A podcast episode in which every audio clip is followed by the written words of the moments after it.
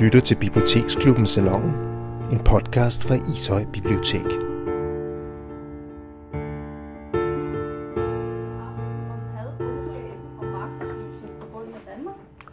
skal nok blive hyggeligt. Jeg har i hvert fald glædet os.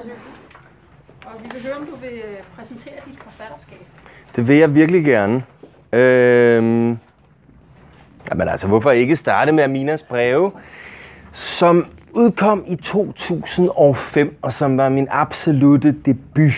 Både fordi det var, øh, ja, jeg debuteret, men også fordi det var vidderligt den første bog, jeg havde skrevet. Øh, folk skriver mange gange til skrivebordsskuffer i rigtig, rigtig mange år, og det gjorde jeg ikke. Jeg befandt mig i en situation som 26 år, at jeg virkelig ikke vidste, hvad jeg ville med mit liv overhovedet. Øh, jeg var ikke så øh, lykkeligt gift, og jeg var ikke så lykkeligt engageret i et ikke specielt ambitiøst arbejde, som, som øh, arbejder på Gallup-instituttet, hvor jeg sad og ringede folk op om natten og generede dem. Og, og folk tror nogle gange, at meget med Gallup, det er, det er interview omkring politik. Ved jo hvad, det er de interessante spørgsmål. Mange gange så er, handler det om øh, rengøringspulver eller kris og frysepizzaer. Så når jeg kom hjem fra det, så havde jeg drukket to liter kaffe, og jeg kunne ikke sove, og så tænkte jeg, men så kunne jeg lige så godt bruge natten på at kaste mig ud i at skrive. Og tre år efter, så udkom jeg med Aminas breve, og der havde jeg sgu en fornemmelse af, at, at, at det var første gang i mit liv, hvor jeg vidste nogenlunde, hvad jeg lavede. Så hvorfor ikke fortsætte med det? Og derefter skrev jeg Submarino, øh, som udkom i ja, et par år, halvandet år efter, som handler om to brødre. Tematisk var det på en eller anden måde lidt en, en, en fortsættelse af Minas breve, men det var også en lidt måske dystre roman, så snart man begynder at gøre børn fortræd på siderne, så bliver det hele en lille smule mørkere. Øhm, det var også et forsøg på mig, for mig at, at, at, at, at, at udvide, hvad jeg kunne som forfatter. Hvor Minas breve er en bog og en odyssé, der handler om at stå uden for samfundet ene og alene, og, og måske bare ikke føle, man passer ind. En ung skizofren mand, der leder efter en pige, Mina, filmatiseret her og kom sidste år, så er Submarino i høj grad en bog om, om kærlighed. Hvad sker der, når vi ikke får den? Øh, og hvordan kan vi finde den? Øh, hvad er vi parat til at gøre for kærlighed? Og der så gik der mange år lige pludselig til 2011. Så Submarino 2007, 2011, et eventyr. Absolut den sværeste bog, jeg nogensinde har, har, har, har skrevet. Fordi at jeg kunne være gået ned af den lidt, lidt nemmere vej, som en masse mennesker rådede mig så pænt til at gøre. Det var at sige, du har lavet alt det her enorme researcharbejde på Submarino omkring, hvordan folk køber og sælger stoffer, omkring kriminelle miljøer i København. Hvad med, at du pøller en lille krimi ud, Jonas, og så kan det faktisk være, at øh, du har råd til et par nye sko. Så det gjorde jeg ikke. Jeg tænkte, nej, hvor ville det være meget mere øh, interessant og udfordrende, hvis jeg i stedet for at skrive på en måde, som der var mig øh, lidt mere øh, trænet, så tage et barns synsvinkel. Det skal man, det skal man mig aldrig gøre, hvis man har lyst til at sove godt om natten. Det var hårdt. Fordi lige pludselig med et eventyr skulle jeg forsøge at beskrive en helt voksen verden med en masse følelser, en masse liv, men forsøge at se, hvordan man filtrerer det ned i et, i et, i et barnesynsvinkel. Hvordan, hvordan kan jeg give læseren en oplevelse af verden, som fortælleren, barnet ikke selv forstår? Så, så, så det var en bog, der holdt mig øh, vågen mange nætter. Et eventyr. Og den kom i 2011. Og så bliver det for alvor svært her, fordi nu har jeg alligevel valgt, valgt det nemme fra. Det, der sker, det er også i mellemtiden, det er, at mine bøger begynder at udkomme i udlandet. Så jeg begyndte efter et eventyr, som egentlig tror jeg gik bedre alle mulige andre steder end i... Det gik okay i Danmark, men den gik sgu egentlig bedre alle mulige andre steder i verden øh, begynder at rejse en masse. Det er sådan en parallel historie med de her tre bøger indtil videre. Det er første bog, pis glad for at udgive noget. Anden bog, hey, der er lige pludselig en bog til. Ikke nogen svær to, og fordi du ved, det var som om jeg lige pludselig havde lært at spille på klaver, og så kunne jeg spille med mere end en hånd lige pludselig. Tredje bog øh, knækker lidt nakken på den, forstået på den måde, at den bliver færdig, og jeg bliver tilfreds med den. Men, men øh, det har også været en hård proces. Jeg er blevet skilt i mellemtiden, og jeg er flyttet ind i en lille toværelse i sin betonblok.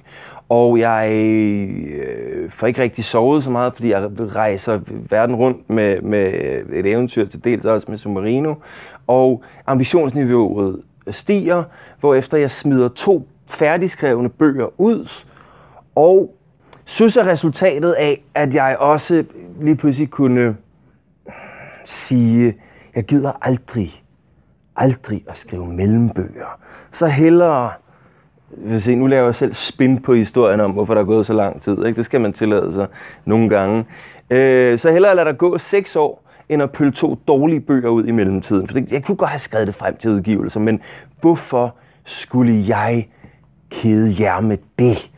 Hvorfor skulle jeg skrive bøger, hvor man kunne sige, ja, det er ikke helt så godt som øh, bare for at kunne få lidt flere bibliotekspenge måske, og for at kunne være café-smart hen over årene. Så hellere smide lortet ud, hvis jeg ikke er tilfreds, og så blive ved. Sus, altså undtagelsen, fordi Sus startede som en lille bit, bitte birolle i en bog, jeg endte med at smide væk. Så, så, så, så bogen Sus og karakteren Sus kom ud af et forlisprojekt, hvor at der var en karakter, hvor jeg blev ved med at vågne op om natten og tænke, jeg har det sgu fint nok med at smide det lort væk, men øh, jeg har lyst til at folde hende ud ordentligt.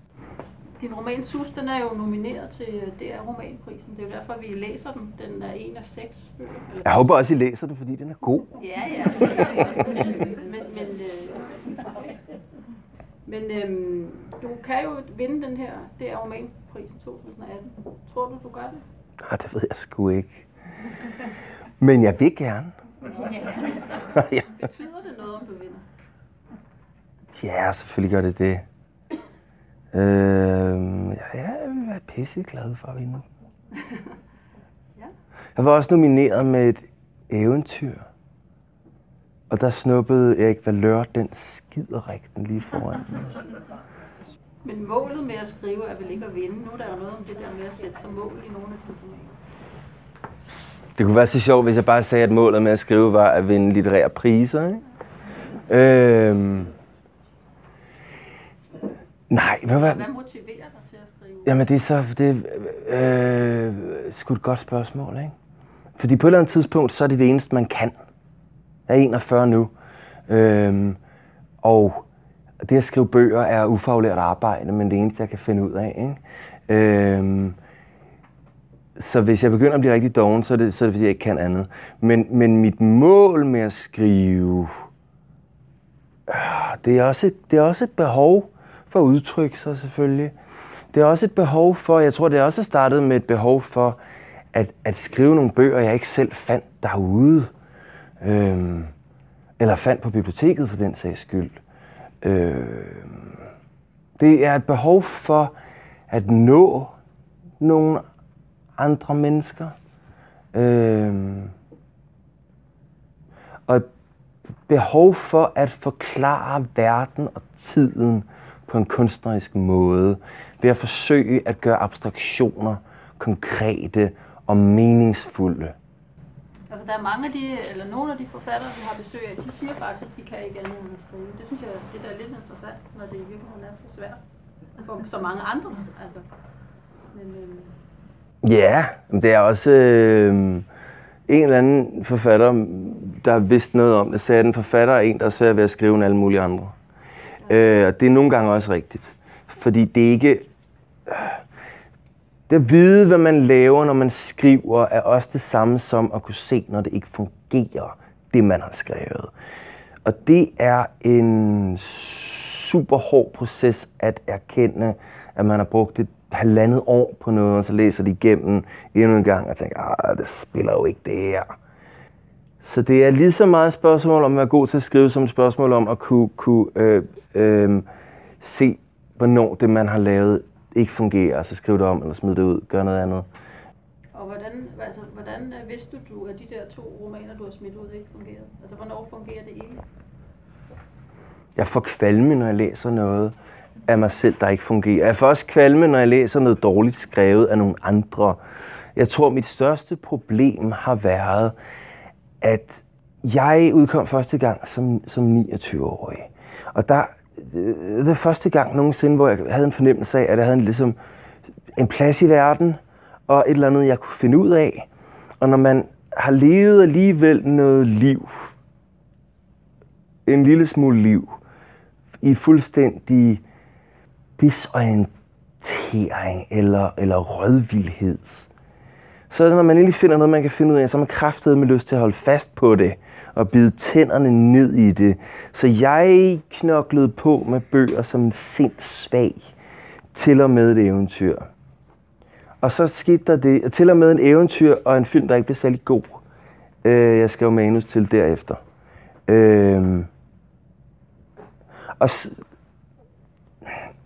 de to bøger var jeg i menneskelig og emotionel vildrede. Så jeg kunne ikke rigtig se, hvad det var, jeg gjorde forkert.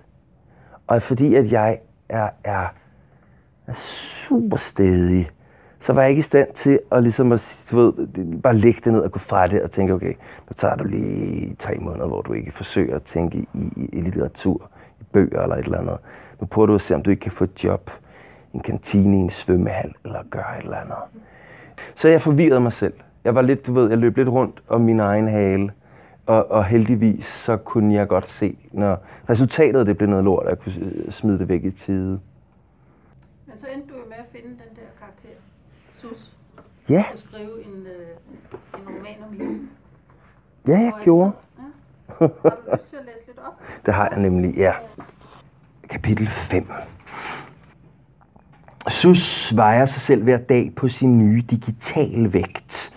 Det går vel i den rigtige retning, siger hun til sig selv. Da hun var 12, lignede hun en 8-årig. Det kan være, hun gror et par patter, inden hun fylder 30, så griner hun.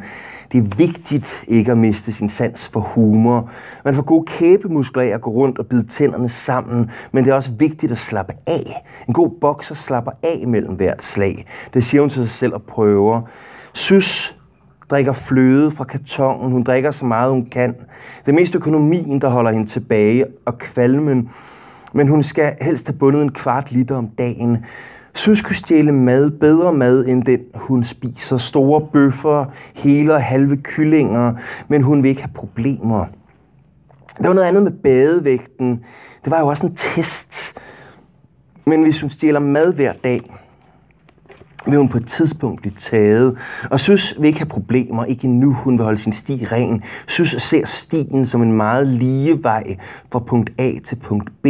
Hun skriver, hold stien ren på en papirlap og sætter den fast med tape på væggen. Sus køber de billigste æg, buræg, dem hvor hønsene har det af helvede til, og så op og ned af benene, og nærmest ikke længere nogen næb, fordi de har hakket dem i stykker på stoltrådsgitteret. Hun har set det på tv. Det er ikke okay. Det er sgu ret synd for de høns. Men hun kan ikke se, hvor, hvorfor de skulle have det meget bedre end børnene i blokken. Hvorfor de skal have så meget mere plads, så meget mere græs under fødderne og himmel over hovedet, end nogen af dem, hun er vokset op med. Sus har ikke råd til dyre æg, og hvis hun skal spise mange af dem, Sus har ikke råd til dyre æg. Ikke hvis hun skal spise mange af dem. Hun steger dem i madolie, købt hos en grønthandler, en stor dunk på 5 liter, der var svær at slæbe hjem. Hun ved ikke, hvilken plante olien kommer fra. Den lugter lidt surt, når den bliver varmet op. Bare synd for jærhøns, siger hun og slår tre æg ud på panden. Sus sliber sine knive. Hun elsker sine knive. Hun tager dem ofte frem og ser på dem. De er våben, der gerne vil glide ind i kød. De vil adskille, de vil skære, de vil slå ihjel. Værktøjer med et formål. Det fylder hende altid med en følelse af magt at se på dem. Knivene gør hendes arme længere. De modsiger hendes højde og vægt. Susie er ved at blive ensom. Hun kan mærke det nærme sig. Hun taler mere med sig selv. Når hun er skæv, taler hun med dem i tv'et. Hun kommenterer, hvad de gør. Hun ser tv med mennesker fanget på øer og i huse, fordrukne og horen eller i gang med forskellige prøvelser. Og hun siger, idiot, du kan sgu da ikke stole på ham der. Du må sgu da vide bedre, end at stole på ham der. Eller hun blander sig i samtalen, de serier, der kører non-stop genudsendelse på genudsendelse, og ved godt, det nok er ved at være et problem. Hun er ved at blive skør, og hun har ikke råd til at blive skør. Det er ikke en del af planen. Sus tager armbøjninger mavebøjninger. Hun fylder en gammel rygsæk med, te- med telefonbøger, så tager hun trapperne op til syvende og ned igen. Op til syvende. Hun bliver ved ind til benene ryster. Hun er svimmel og er bange for at miste balancen og falde og slå tænderne ud. Så venter hun på tredje, indtil elevatoren kommer. Sus tester sin sin smertegrænse ved at stikke nåle i fingrene. Hun sidder der som en helt lille nålepude. Sus ryger ikke før dagens test er overstået. Så skærer hun en smule af klumpen og rister det med tobakken. Hun ryger kun nok til at slappe af og til at kunne sove, men ikke så meget, at hun ikke kan komme op næste dag og gennemføre sin test.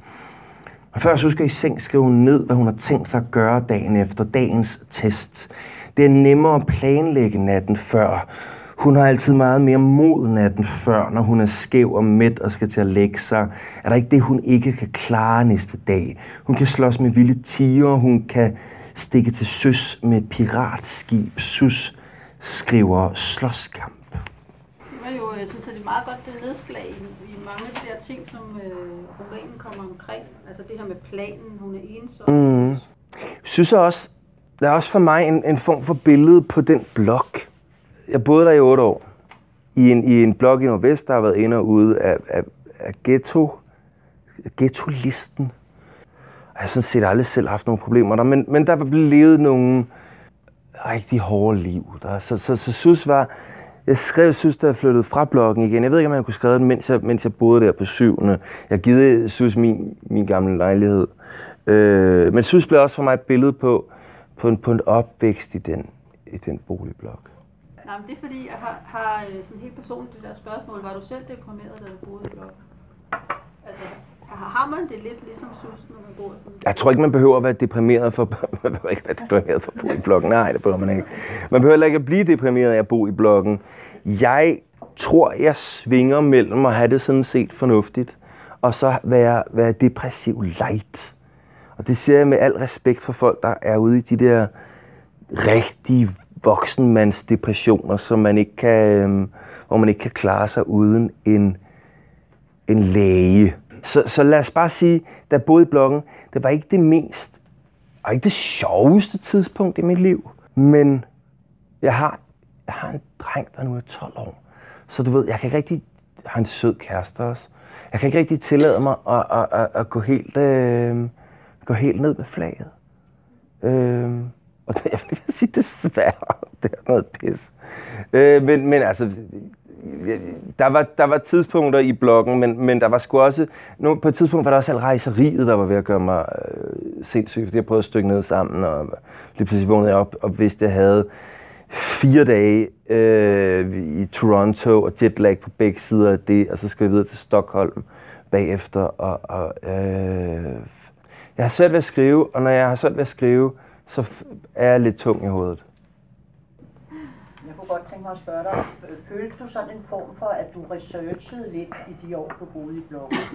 Altså det kunne man jo godt sådan forestille sig, når man læser Sus her, ikke? at du måske ubevidst, men om du selv kunne erkende det, da du ligesom gik i gang med den her roman, at, at du havde lavet en form for research? Jeg tror, at det der er i det, det er, at, at, at jeg ikke kan undgå at tage så meget ind, som jeg, som jeg gør. Og lad mig præge af et, af et sted og et område og en stemning og lyden af nogle politisirener. Jeg tror ikke, jeg kan lade være med at tage det ind, men jeg tror, det øjeblik, hvor jeg havde tænkt, nej, hvor er det spændende det her. Nu kan jeg researche det, så er jeg også, så er jeg også endnu mere, altså jeg er i forvejen turist i sådan et kvarter, fordi du ved, det er ikke, altså, hvis folk øh, slås med alkoholisme i, i, i den blok, så slås de ikke med, med velnæret forfatteralkoholisme, så er det full-blown øh, modellen, ikke? Så, så jeg helt undgå at være, være altså, en, en, en turist. Men hvis jeg havde begyndt at tænke, nej, hvor kan jeg suge til mig nu, så var jeg for alvor blevet en, en, en, en, en dem og mig og, og, og researcher. Så, så nej, jeg skulle ikke opsøgt det med vilje heller. Men altså, de tingene sætter sig, tingene sætter sig ligegyldigt, hvor man er. Og hvis jeg flyttede til, til øh, Lemvi i morgen, så ville Lemvi også på en eller anden måde øh, sætte sig i mig. Er det en fordel sådan at være depressiv live, når man er forfatter? Øh, nej. jeg ved det sgu ikke. Jeg tror, at, at, at øh, jeg tror, det er meget almindeligt. Og jeg tror, at, at hvis man, jeg tror, hvis man, hvis man, øh, det, er så svært at finde kunstnere, der ikke har et lidt bøvlet sind, ikke? Og ikke for at være melodramatisk overhovedet, men, men det er virkelig svært at finde en forfatter, der ikke har et bøvlet sind. Øh, I særdeleshed kunstner generelt, forfatter i særdeleshed. Øh, tror, P.O. Enquist sagde, at de fleste øh, øh Nobelprismodtagere, sådan set 80% af alle Nobelprismodtagere i litteratur, har drukket sig selv ihjel. Altså, det er jo ikke bare, fordi de synes, at øh, det var så sjovt heller. Øh, så så hvis vi lægger det melodramatiske fuldstændig til side, så er det, hvis man har lidt bøvlet sind, så kan det både være en fantastisk givende ting at skrive, fordi det er terapeutisk og selvterapeutisk, når det virkelig spiller, men det er også en, en, et liv, hvor at alle de ting, der kan holde folk nogenlunde stabile, som faste mødetidspunkter, øh, faste mennesker, man ser hver dag, fine rutiner, man enten hader eller holder af, øh, have ferier, øh, have en weekend, hvor man øh, virkelig ikke skal arbejde, øh, helligdage. Nu snakker jeg om verden fra for 20 år siden, hvor den slags ting eksisterede. Jeg ved godt, folk nu om stunden er tvunget til at tage deres bærbare computer med hjem, og har det sikkert lige så hæsligt, hvad det angår, som forfatter har. Men pointen er, forfattere bliver også mærkeligt paranoide skabninger, fordi de sidder alene hjemme foran deres computer. Og så kan de sidde og vente 1, 2, 3, 4 år og, og håbe på, at det, de har skrevet, bliver velmodtaget. Altså, det, hvis det ikke er, er, er, er opskriften på paranoia, eller en eller anden grad af lidt mærkelighed oven i hovedet, så ved jeg sgu ikke rigtig, hvad jeg er. Men det der med for eksempel at have et bøvlet sind, er det, det der, er det, øh, faktisk, er det medvirkende til, at du interesserer sig for de karakterer og de der miljøer, du har skrevet om i dit? Eller hvorfor skriver du om det, du skriver? Jeg har altid synes, at nogle enkle ting var meget vanskelige for mig, og nogle ting, der kunne være ret bøvlede eller ret svære for andre mennesker, var, var, var ret nemt for mig. Jeg synes altid, at, at hvis, jeg skal, hvis jeg skal snakke med mennesker, som i dag, så synes jeg altid, det er meget hårdere at finde ud af transporten, end selve det at, at, at møde folk omkring et eller andet, jeg har skrevet. Jeg har altid set mig selv stående lidt udenfor. Jeg har altid været øh, i en, ikke selvvalgt, men det er bare sådan, jeg tænker omkring tingene i, i, i, i, i outsider-perspektiv. Så det gør det også ret både nemt for mig, men i høj grad også naturligt at, at, at finde det i skriften. Ja. Jeg har et spørgsmål, fordi øh, jeg hæfter mig ved, at nu fortæller du, at du er en forfatter med et bøvlet sind, som mange forfattere er. Mm. Men du skriver ikke om at være forfatter med et bøvlet sind, som har en dejlig kæreste og en dreng på 12 år. Du skriver om nogle andre. Du skriver typisk om noget, hvor der skal rigtig meget research til. Altså en, en, en lang vej rundt om, øh, men den helt eneste rigtige, øh, eneste rigtige svar på det spørgsmål, en lang vej rundt om det er, at, at hvis, hvis vi ser på, øh, jeg ser på, at Minas brev står hernede øh, foran mig et sted. Øh, jeg havde en vigtig erkendelse som, som 26-årig. Og den er jeg glad for, at jeg havde, fordi uden den erkendelse, så var det sikkert ikke blevet til så meget med mig og skriveriet. Min erkendelse var, at jeg er sandsynligvis ret uinteressant.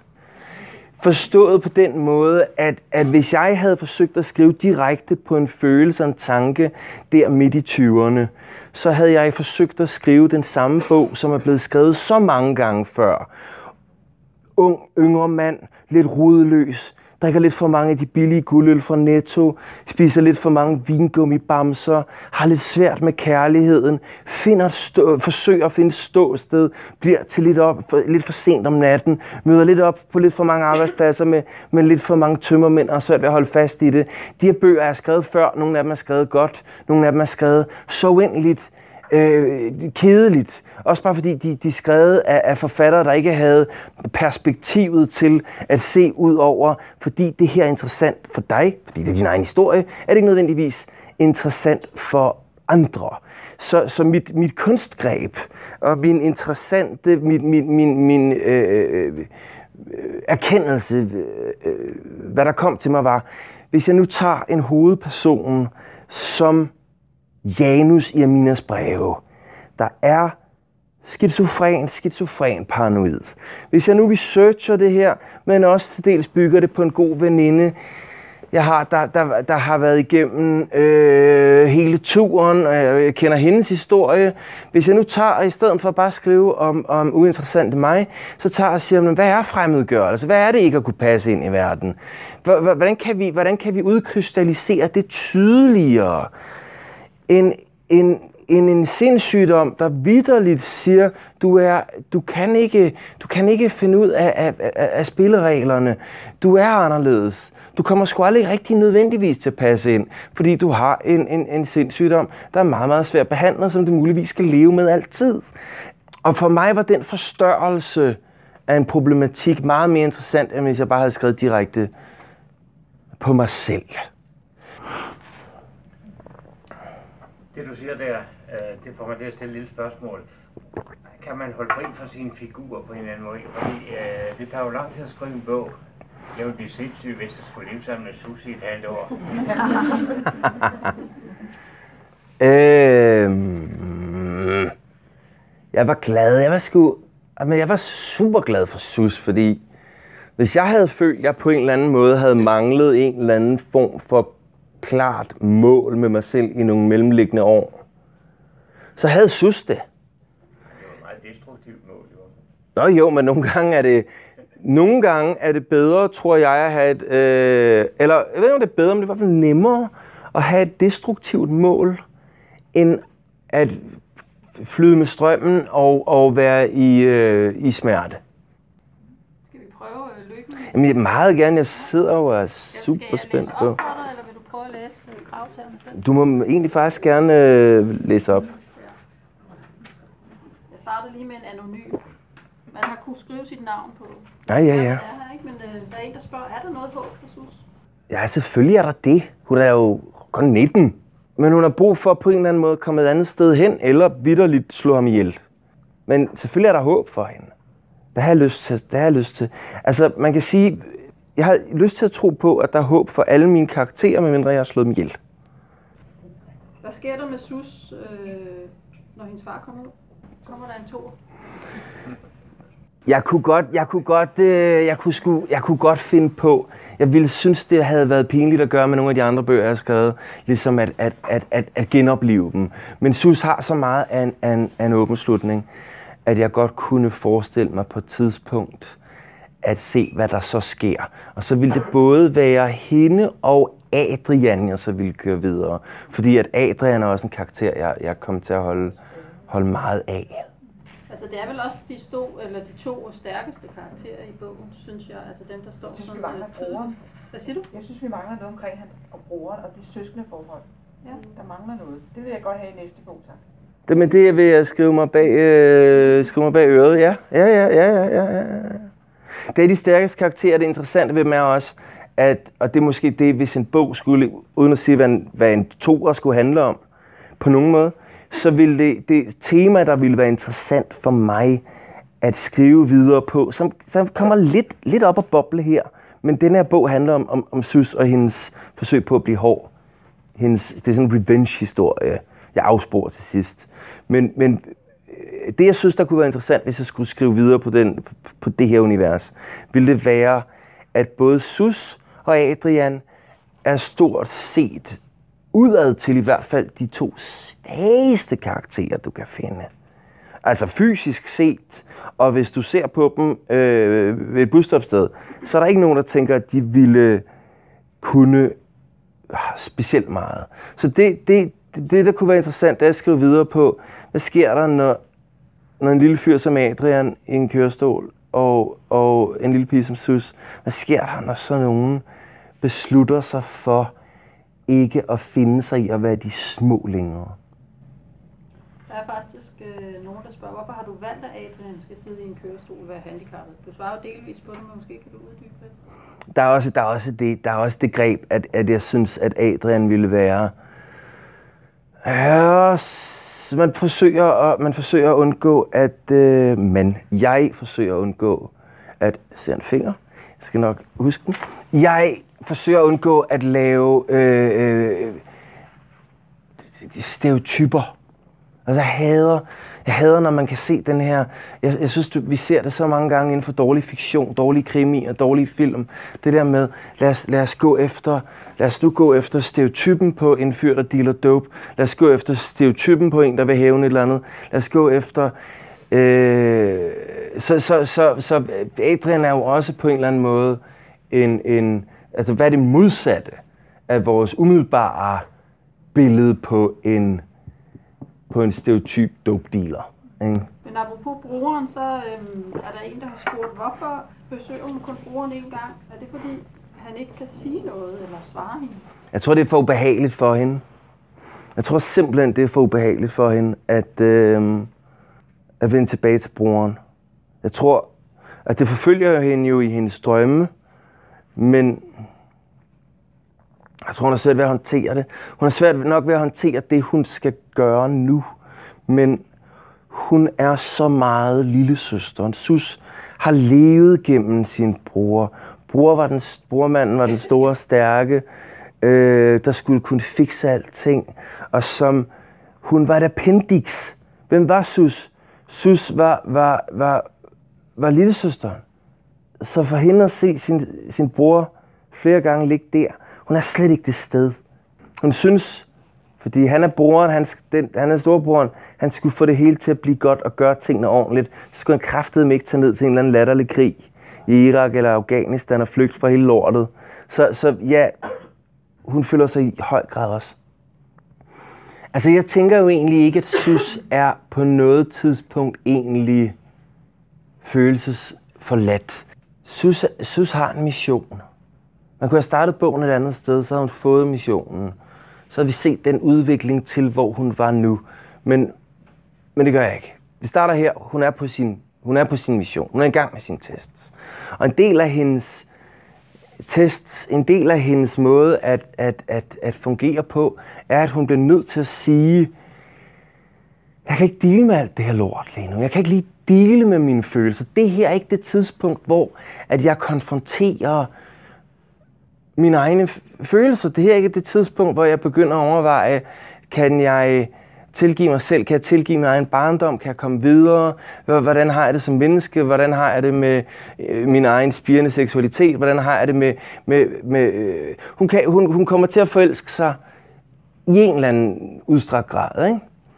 Og, men også det bliver hun nødt til at lægge låg på, fordi at hun er på en... Hun skal dræbe en drage. Og, og når man gør det og skal det, så bliver man nødt til ikke at tænke så meget i, i følelser undervejs. Så, så, så jeg, jeg forsøger at, at, at, at, at vise og demonstrere, hvordan hun lægger låg på alt det her. Altså nu siger du, hun er på en mission, ikke? Altså da jeg læste øh, romanen, så tænkte jeg, ville det ikke være bedre eller en, en større sejr for hende, hvis hun simpelthen øh, altså, øh, flygtede og, og startede et øh, liv et andet sted? Vil det ikke være en større hævn, end at slå faren ihjel? Altså, det er jo hele ideen om, at, at den bedste hævn er et godt langt liv og sådan noget. Øh, det kan man alt, altid meget vel argumentere for i et, i et, i et, i et større billede. Øhm, man kan så sige, hvor meget ville Sus nogensinde kunne flygte, fordi hvis, hvis, hvis, hvis monstret lige så meget er oppe i hendes eget hoved, kan det godt være, at hun bliver nødt til at slå det fysisk ihjel, for at kunne slippe af med det op i sit eget hoved. Det er i høj grad en tanke, min tanke, måske min en tanke. Øh, øh, en, en anden overvejelse, som, som jeg vil våge påstå. Fordi jeg forsøger nemlig at være det modsatte af moralsk, det modsatte af politisk, når jeg skriver. Jeg forsøger at skrive direkte på karakteren. Så en ting er, hvad der er det rigtige og mest fornuftige for os relativt fornuftige, veltænkende, normale mennesker her. En anden ting er, hvad er det rigtige for søs? Og ikke hvad engang, hvad er det rigtige for søs, men hvad mener søs, der er det rigtige for søs? Og søs mener, at det rigtige for søs er at konfrontere monstret med vold, fordi hun kommer af vold. Hun kommer i en boligblok, hvor vold er et sprog, der bliver talt. Øhm, at, at tænke så langt som at flygte tilgive, komme videre, få en helvedes masse terapi og blive et mere fuldt og helt menneske, er ikke, hvad Sus mener er det rigtige for sig. Og derfor kan jeg ikke øh, argumentere for, at det skulle være det rigtige for Sus, fordi jeg forsøger, jeg forsøger vidderligt ikke at gøre mig klog på det rigtigt og forkert. Hvis jeg, hvis, jeg, hvis jeg forsøger at gøre noget med det, jeg skriver, som en generelt ting, så er det at prøve at demonstrere for læseren, prøve at tage læseren ved hånden og sige, men, men kan I ikke godt se, at det giver mening for hende? Kunne I ikke også godt se, at I kunne, reso- at I kunne have et resonemang, der var ligesom Sus? Kunne I ikke se, at det ville give mening for jer, hvis I var i Sus sted? Og det er noget andet end at sætte sig øh, fem skridt højere op og, og, og, og, og vurdere det mere analytisk. Jeg prøver at menneskeliggøre Sus. Jeg prøver at skrive ud fra hendes synsvinkel, fordi jeg tror, at kunsten, kunsten, siger jeg med stor selvhøjtidlighed, kunsten kan gøre noget for en pige som Sus, som velvilligheden i socialrealisme og i den sociopolitiske tilgang ikke nødvendigvis kan gøre for Sus.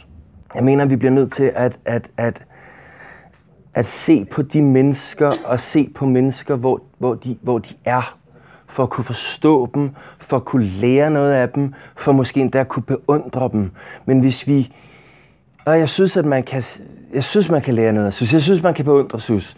Jeg, øh, og jeg tror, vi kan lære noget af hendes øh, målrettighed og hendes drift. Øh, jeg tror også, at, at hvis vi kan til og med se, at vi skulle ikke er så forskellige fra Sus, at vi i den samme situation kunne have handlet som Sus, Øhm, så tror jeg, at vi kan finde ud af at læse en historie om Sus. Men, men jeg ville synes, det var trist, at vi betragtede Sus som en case.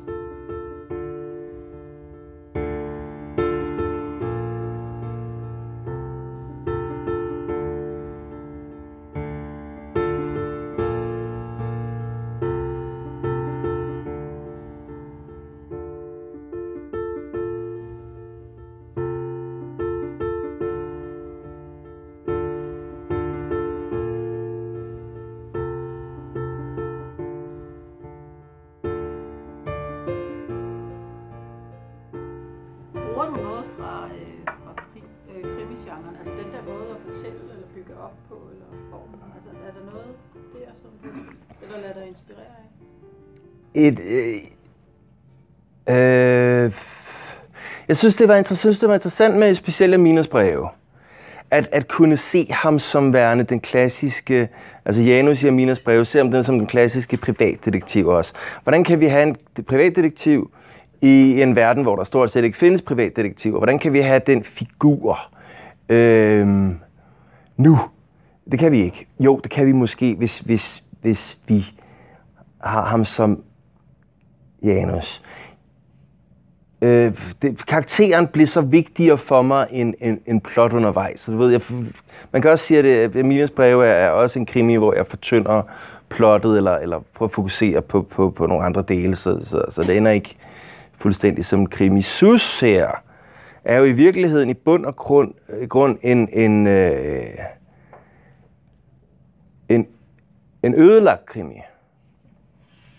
Fordi vi starter med et, et, det klassiske hævnmotiv, som findes i krimier, som findes i, i, i film som revenge-historier, og, og de skal igennem alle de her forskellige forløb. Hovedpersonen, den person, der vil hævne, skal igennem de her forløb. Til sidst har vi den store konfrontation, og så muligvis øh, en, en en tilfredsstillende konfrontation og en forløsning til sidst.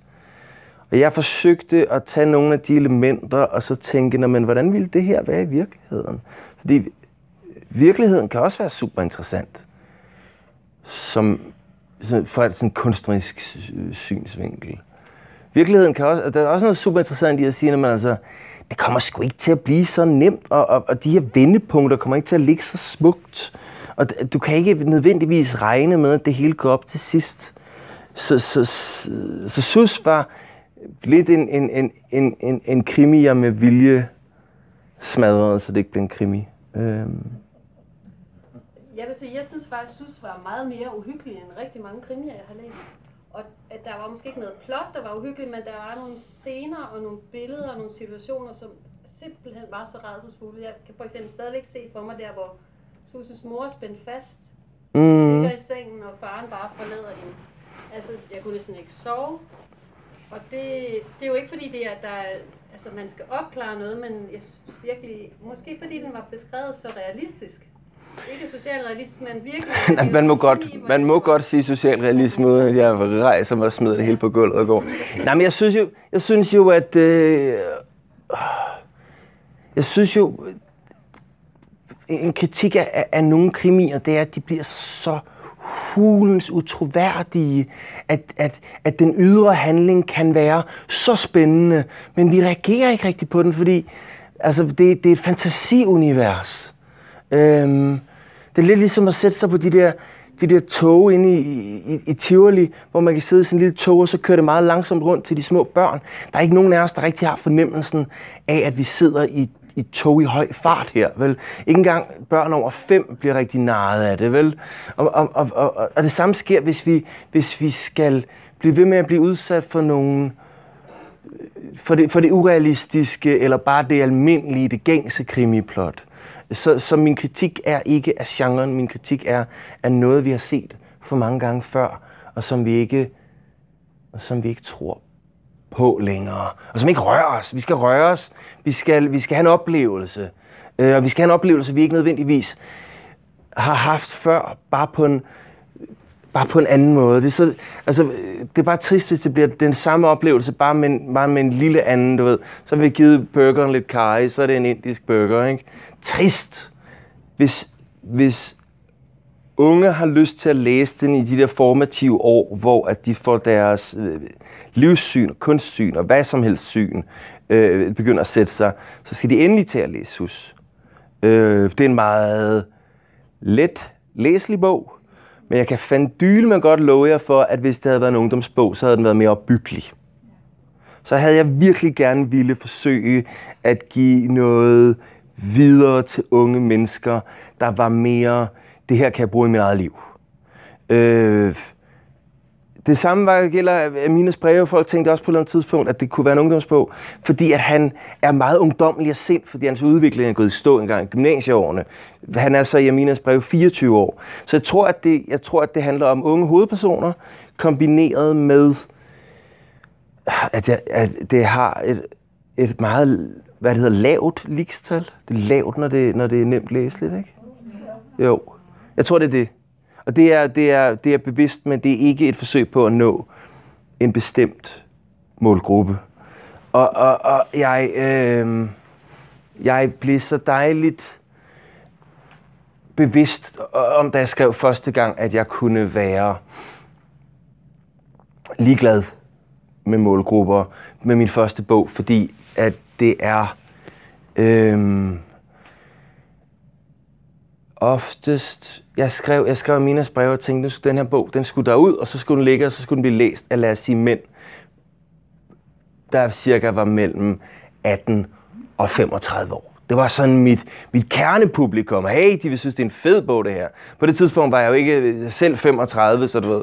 Jeg, jeg er ikke engang selv længere en del af mit eget kernepublikum i forhold til, da jeg skrev den. Så, så begyndte jeg at komme lidt ud med bogen, og så fandt jeg ud af, at hvis der er én målgruppe, der ikke læser bøger, andet end muligvis om 2. verdenskrig, øh, så er det 18-35-årige. Øh, kan det. Nå jo, men det er jo håbet altså. Det er jo, øh, jeg har jo også du ved, selv læst bøger, fordi ellers ville jeg ikke have skrevet bøger, men, men, øh, men det, altså, det er lidt undtagelsen, der beviser øh, reglen. Ikke? Så nej, jeg har, ikke nogen, jeg har ikke nogen kernelæser.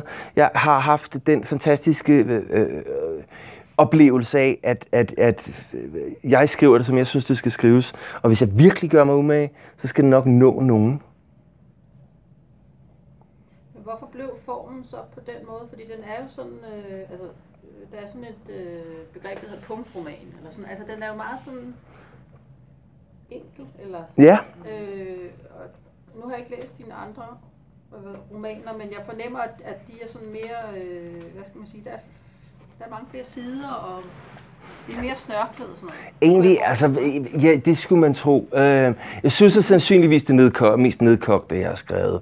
Men en af grundene til det, det, det tager noget af mig at skrive, hvad end jeg skriver, er faktisk, at, at du kan skrive 400 sider i en fabulerende stil, hvor det ene ord tager det andet, øhm, hvor at der er små fortællinger, der sniger sig ind, og hvor at det måske mere er fortællingen, der har en betydning end, end, end, end sproget og rytmen.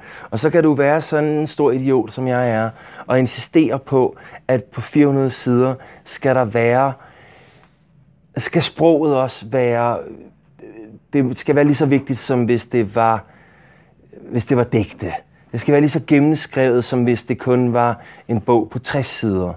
Øhm, og at, at, at rytmen skal blive ved med at være der på, på alle siderne. Øhm, ja, et eventyr, der var bogen færdig, og så insisterede på at bruge et helt år på at gennemskrive den, bare for at jeg synes, sproget stod lige så skarpt, som det, som det skulle. Så, så min måde at skrive på er, er, øh, er sgu lidt nedkortet. Jeg synes jo både øh, Sus og Adrian går jo helt ind under huden på den. Fedt. Og, øh, og så synes jeg, at jeg, jeg ser ikke så stor en risiko for, at måske især kvinder læser den lidt som en case. Altså, øh, nu opponerer du meget imod det, det skulle ikke være en case. Men jeg synes, hvis man tager alle de andre øh, værdier fra bogen med, så, så kan jeg ikke se, at det er en, et minus, at man også, for det tror jeg, øh, at man måske også som især kvinde, det kan jeg godt forestille mig, at man ligesom, åh, hvorfor, hvorfor har hun ikke opbygget det? Ikke? Altså, og det synes jeg ikke er nogen, altså, jeg synes ikke, det er noget, Selvfølgelig, selvfølgelig der, er, der, er, der, er på, der er intet problem i, hvad kan vi sige, en dobbeltlæsning. Øhm, der er intet problem i, hvis, vi kan, hvis man kan bruge Sus historie på en eller anden måde. Man kan også godt sige, men hvad fanden skulle jeg Øh, til at sætte mig dom, øh, til doms over det. Altså, måske kunne man udrette meget mere i virkeligheden og i virkelighedens verden ved at bruge Jesus som case, end, end at forsøge at få en kunstnerisk oplevelse, som jeg hele tiden bliver ved med at tale for, og ikke rigtig kan sætte ord på, hvad egentlig er. Øh, min, point, min pointe er, at det, det er kun et problem for mig, hvis, hvis, hvis, hvis casen bliver en, en, en fremmedgørelse. Netop når du siger, at, at både Adrian og Sus kommer ind under huden på læseren, så er jeg glad. Så har jeg virkelig gjort, hvad jeg, hvad, gjort, hvad jeg, hvad jeg prøvede på at gøre. At, at, at man kan få at man kan få andet og måske mere og lige så vigtige ting ud af, af læsningen. Fedt, pissegodt. Men, men, men det er, men synes må ikke, men, men casen må ikke stå i vejen for, at, at man kan læse bøger på mange forskellige måder. Og hvis vi begynder at læse bøger som, som en form for studie, hvor vi bliver ved med at minde os selv om, hvem vi er, der læser det her, øhm, så, så vil det gøre mig trist. Men, men i min måde at skrive på, forsøger jeg også at skrive på en måde, så jeg gerne skulle give læseren så få grunde og muligheder for at stanse op undervejs. Faktisk. Fordi når man standser op, når man standser op i løbet af en læsning, så, så øh, altså, det er nogle gange meget godt at standse op og tænke, hvad sker der her? Sådan noget. Men, men, men jeg vil, jeg, vil hellere have, jeg vil hellere have læseren med, end at have læseren som, som betragteren. Men det er jo så at, øh, det, vi talte om i vores læsegruppe, at, at det, at katten døde, det, det, det var ligesom også, at Sus, Sus ikke havde nogen chancer, fordi hvis den havde overlevet, det var ligesom, at katten blev symbol på hende, for os, da vi snakkede om den. Og, og det kan den øh, illustration jo være med til at, og ligesom at Jeg få godt os til at tro. det kunne være lidt interessant at høre noget om den kat der. ikke? For der er mange, der synes, at det er ærgerligt, at den Det er sgu da også dør, synd. Og er den et øh, billede på sus? Og... Det er sgu da super synd, at den, det er da super synd, at den dør. Øh, den er jo også på det tidspunkt, der er jo blevet lagt så meget værdi i den, og så mange følelser i den, specielt for så ensom en pige som Sus. Øh, men øh, jeg synes, at det er interessant, fordi hvis Sus ikke havde slået katten ihjel, Altså man kan sige, slut, så, øh, hun slår katten ihjel, da hun tror, at, at, at hun stadigvæk er i gang med, med at hærde sig. Hun slår den ikke bare ihjel til sidst, fordi hey, fuck it, det dræber katten. Øhm, så hun slår den ihjel, da hun stadigvæk har et klart mål med at have fået katten, at skulle hærde sig. Og jeg synes, der er noget interessant i, at, at hvis... Det kan godt være, at øh, vi kunne se, at der var- havde været en større grad af mulighed for Sus som et mere helstøbt menneske, der havde en større mulighed for at blive reddet, hvis hun ikke havde slået katten ihjel. Men, men, men det er jo også bare Sus, der har besluttet sig for at gøre noget og lykkes med det. Hun lykkes med at slå katten ihjel. Det er ikke rart. Men det var, hendes, det var hendes mål. Hun satte sig for at gøre det, hun gjorde det. Altså det, der i hvert fald er i det, det er, at hvis du er så, hvis du er så lille, som, som, som, som Sus er, øh, så, har du, så har du rent fysisk ikke specielt mange muligheder øh, for at kunne skade andre mennesker. Lad os bare sige andre mennesker, der er fortjent at blive skadet. Men en ting er helt sikkert, hvis du skal kunne skade andre mennesker, så bliver du nødt til, når du er så lille som søs, at kunne have du bliver nødt til ikke at, du bliver nødt til at kunne gøre det uden at blinke. Du bliver nødt til at kunne have en råhed, en, en, en, en form for øh, manglende omtanke.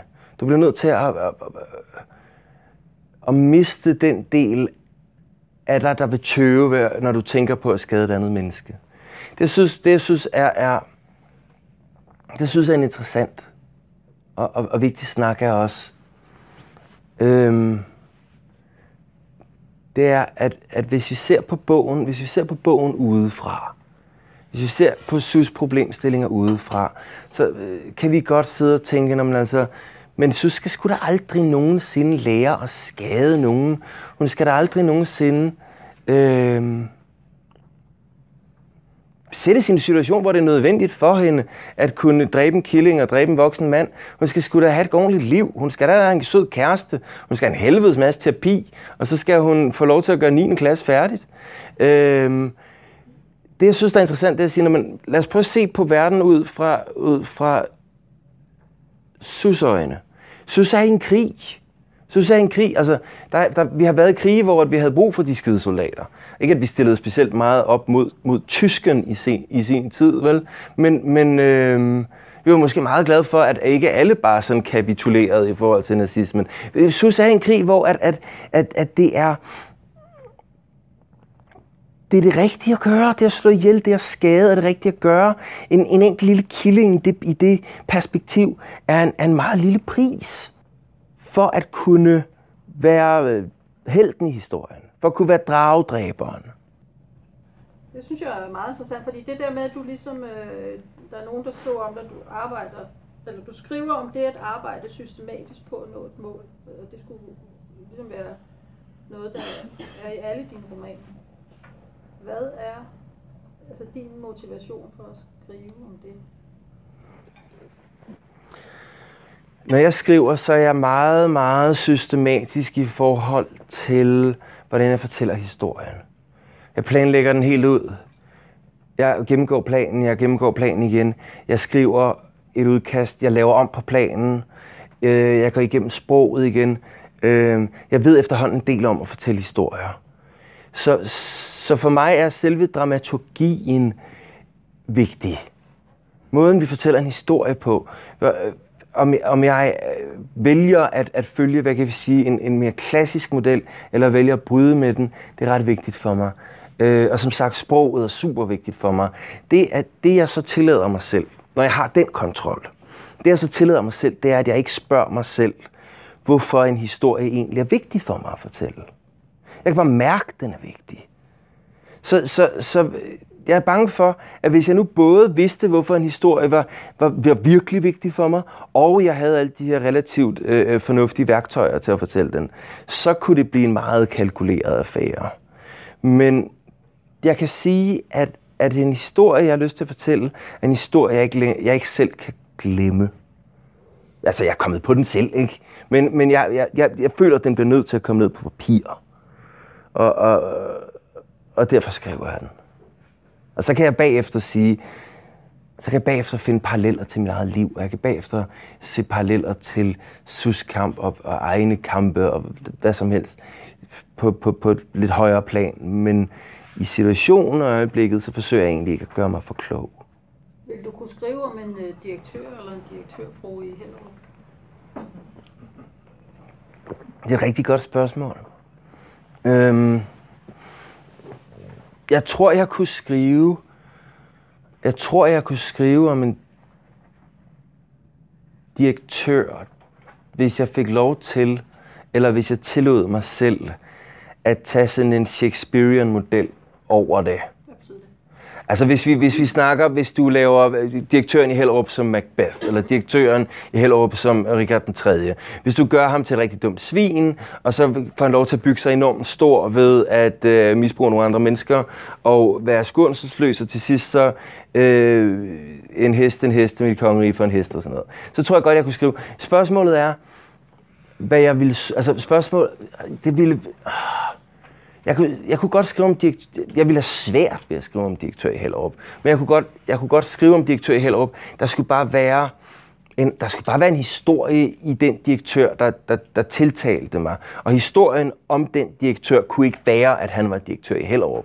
Det ville jeg synes var for uinteressant, fordi så kunne vi så meget nemt komme til at forfølge et spor, der hedder, øhm, hvis du er direktør i Hellerup, så er du, så er du dumt svin. Altså hvis du har mange penge, hvis du er, hvis du er fattig, så har du selv et godt hjerte, og, og hvis du har mange penge, så er du selv et rigtig dumt svin. Så lad os så sige, at vi, vi fortæller historien om direktøren i Hellerup, og han så ikke er et dumt svin. Okay, men hvor fanden er konflikten så henne? Så der skal være en konflikt et sted. Der skal være en konflikt i alle historier. Der findes ikke en historie uden en konflikt. Det er definitionen på en historie. Men findes der så også et plot i en historie, eller i dine? Eller det der, du nævnte før, det der plot der? Altså, der findes et, et plot. Der findes et plot i alle historier. Spørgsmålet er bare, hvor synligt det er, og hvor vigtigt det er. Fordi ellers ville man kunne læse bøger vilkårligt. Så, så vi, vi, hvis vi sidder med sider foran os, så må der være en begyndelse, og der må være en slutning. Det forudsætter også, der må være, der må være en midte, fordi ellers er der en begyndelse og en slutning. Uh, et eller andet sted opstår der en midte, så, så, så, så, så det er svært for os ikke at snakke om et plot og en, og en, og en, og en udvikling. Men hænger det plot der så sammen med den der nødvendighed? Altså, nu forstår man måske mere plot som sådan noget krimiplot, men du siger det, altså det behøver ikke være synligt. Men altså, det, kunsten er jo, har jo det der med Mhm. nødvendigheden og sådan noget. Hænger de to ting sammen? Altså man kan sige, man kan faktisk godt have plot, man kan godt have plot, man kan vel meget, meget, meget plottede bøger, hvor det er svært at få øje på nogen nødvendighed overhovedet. Det man kan sige, det er, at for noget er en historie, eller noget er en vellykket historie, må det have en fremdrift af en eller anden art. Det er ligesom hajer, og hvis de holder op med at bevæge sig, så dør de. Og det samme gælder historier. Øhm, det samme gælder fandme også på en eller anden måde digtsamlinger. Og selvom hver det eneste, hver digt ikke har noget med det foregående at gøre, så, så er der, må der være et eller andet, der gør, at vi læser bogen, øh, digtsamlingen fra ende til anden, øh, som ikke bare er, at vi har øh, øh, lånt den af, af en god ven eller en veninde, og vi skal snakke om den bagefter, så er det pligtlæsning. Øh, så, så jeg snakker om, om, om, det kan virke meget abstrakt, men, men, men der må være en form for, for fremdrift. Og der må jo også være et slutpunkt. Det man nogle gange ser kunstfilm, kunstbøger gøre, det er, at de fortynder, siger ikke, det er en dårlig ting øh, overhovedet, øhm, men det er, at de, de, de fortynder plottet ud. Men der skal jo stadigvæk for helvede ske et eller andet, der gør, at vi kan afrunde det til sidst. Ikke? Ellers kan man ikke komme ud af historien igen. Men hvordan kan den der fremdrift komme til udtryk? Altså jeg tænker, det kan være i personen, ikke? At der har en mission. Mm, ja, Eller det ja, kan ja. være sproget, eller det kan være rytme. Eller hvordan tænker du den der fremdrift? Fremdriften må være... Fremdriften kan være, fremdriften kan være rigtig, rigtig mange ting. Og den kan... Øh, den kan faktisk nogle gange en og alene være i, i, i sproget og i rytmen. Det, det er virkelig det, det, det er sjældne tilfælde, hvor at, at fremdriften kun er i sproget og, og i rytmen. Det er sjældent, du oplever fortællere, der på en eller anden måde har en historie, der er næsten nonsens, eller næsten ikke tilstedeværende, men som på en eller anden måde stadigvæk forfører os igennem. Øh, det, det er faktisk ofte tilfældet med, med, med film, fordi der er vi, der skal vi ikke selv bladre, bladre, der skal vi bare sidde og glo på det. Der kan billeder, farver, stemninger, det kan føres igennem. Men ellers er fremdrift, det er typisk altså på, på, på, på laveste hylde, men, men ikke desto mindre, øh, eller den nemmeste fremdrift er en karakterudvikling. Fra punkt A til punkt B til punkt C. Øh, men det kan også være, at Minas breve, der, der, de prøvede at filmatisere den et par gange, og deres problem var, hver gang de skulle filmatisere den øh, før for nylig, det var, at der egentlig ikke rigtig er nogen karakterudvikling hos Janus. Og jeg blev ved med at insistere på, at der må på en eller anden måde være, altså, øh, fordi Janus han har et mål, og til sidst lykkedes det ham at indfri det, men han har hele tiden vidst, at han var bims. Og han kommer ind på den anden side, og han, egentlig, han opnår jo, hvad han gerne vil, vil opnå. Han får brev igen. Øhm, så i mine brev var, tror jeg, udviklingen måske mere lå hos, hos læseren. Altså, at, at vi som læser begyndte at, at, at sympatisere med ham, få lyst til, at hans jagt skulle lykkes, øhm, overværet en torturscene og hæppede på ham. Øh, så jeg tænker måske, at skiftet var mere hos læseren, men rent skriveteknisk, der skal være en udvikling. Eller en fremdrift. Fuck udvikling. Der skal være en fremdrift. Der skal være en grund til at læse, læse videre. Og den kan næsten i nogle værker være helt nede i, i stemningsskift. Men er din mission så, at læseren, eller det må det jo være, at læseren skal få sympati for de der forskellige karakterer, du har? Sympati er? Indlevelse. Sympati er nemlig sympati er sådan en, en, en, en mærkelig størrelse. Jeg vil gerne opnå indlevelse. Der er den her, jeg vil ønske, det var mig, der havde fundet på det her, det her, øh, det her sproglige billede, eller, eller den her situation. Der, i, Hitchcock, I Hitchcocks film Psycho, ikke? der er hovedpersonen, man vil, han bliver vel hovedpersonen.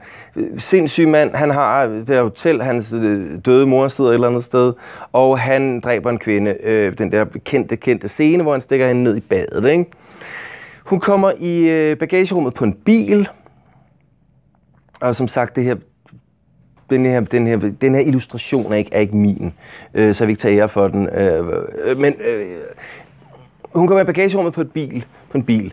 Hovedpersonen, øh, ham der psykopaten, han forsøger at, at skille sig af med bilen for, for, for, for, for dække over sin mor. Han kører bilen ud i en mose, sådan noget, sådan noget, sådan noget tyk og sumpet moseagtig jord. Altså ved, det er ikke bare et, et grimt ord for en sø, men en rigtig mose-moseagtig ting. Ikke? Der hvor, at, hvis du går derud, så, så falder du i, så synker du. Han kører bilen derud, den, den står der, han, han tager nogle skridt væk, håber på, at den her mose vil op suge, opsluge bilen med, med den myrdede kvinde. Det interessante er her, det er, at vi kan jo ikke, vi kan jo ikke have sympati for ham. Han, han, er en, han er stor fed nar, og han er en psykotisk morder. Så vi kan ikke have sympati for ham. Men vi ser bilen, og den laver først et lille, et lille hak. Lille, du ved, den, er, den er ved at, at ryge ned i det her sumpagtige ting. Og så, så står den der. Og det interessante er, vi kan ikke lade være med at tænke, ej, jeg håber virkelig, nu må, nu må den bil der, nu må den bil der ryge ned. Nu må det, vi, vi kan ikke lade være med at holde med hans øh, øh forhavene, og selvom at det er så ægelt og usympatisk det er. Så, så alene den måde, vi, vi oplever det på, gør, at han er vores, vi, vi tolker verden gennem ham, fordi han er hovedpersonen, så i et kort øjeblik tager vi os selv i at tænke, så håber jeg, at bilen bliver taget af mosen, så han ikke bliver dømt for det mor. Jeg synes, jeg synes det er interessant. Det, ja. Så øh, pointen var, pointen var, det er ikke sympati, det er indlevelse, om vi ved det eller ej. Altså jeg vil lige slutte, fordi nu er det ved at være øh, tid med, med det der ord, som hedder opslugt. Og det er jo, mosen opsluger jo bilen, og vi har været opslugt i aften, og levet os ind i dine øh, romaner og det, du har fortalt. Så vil jeg sige tak til dig. Tak fordi I ville have mig.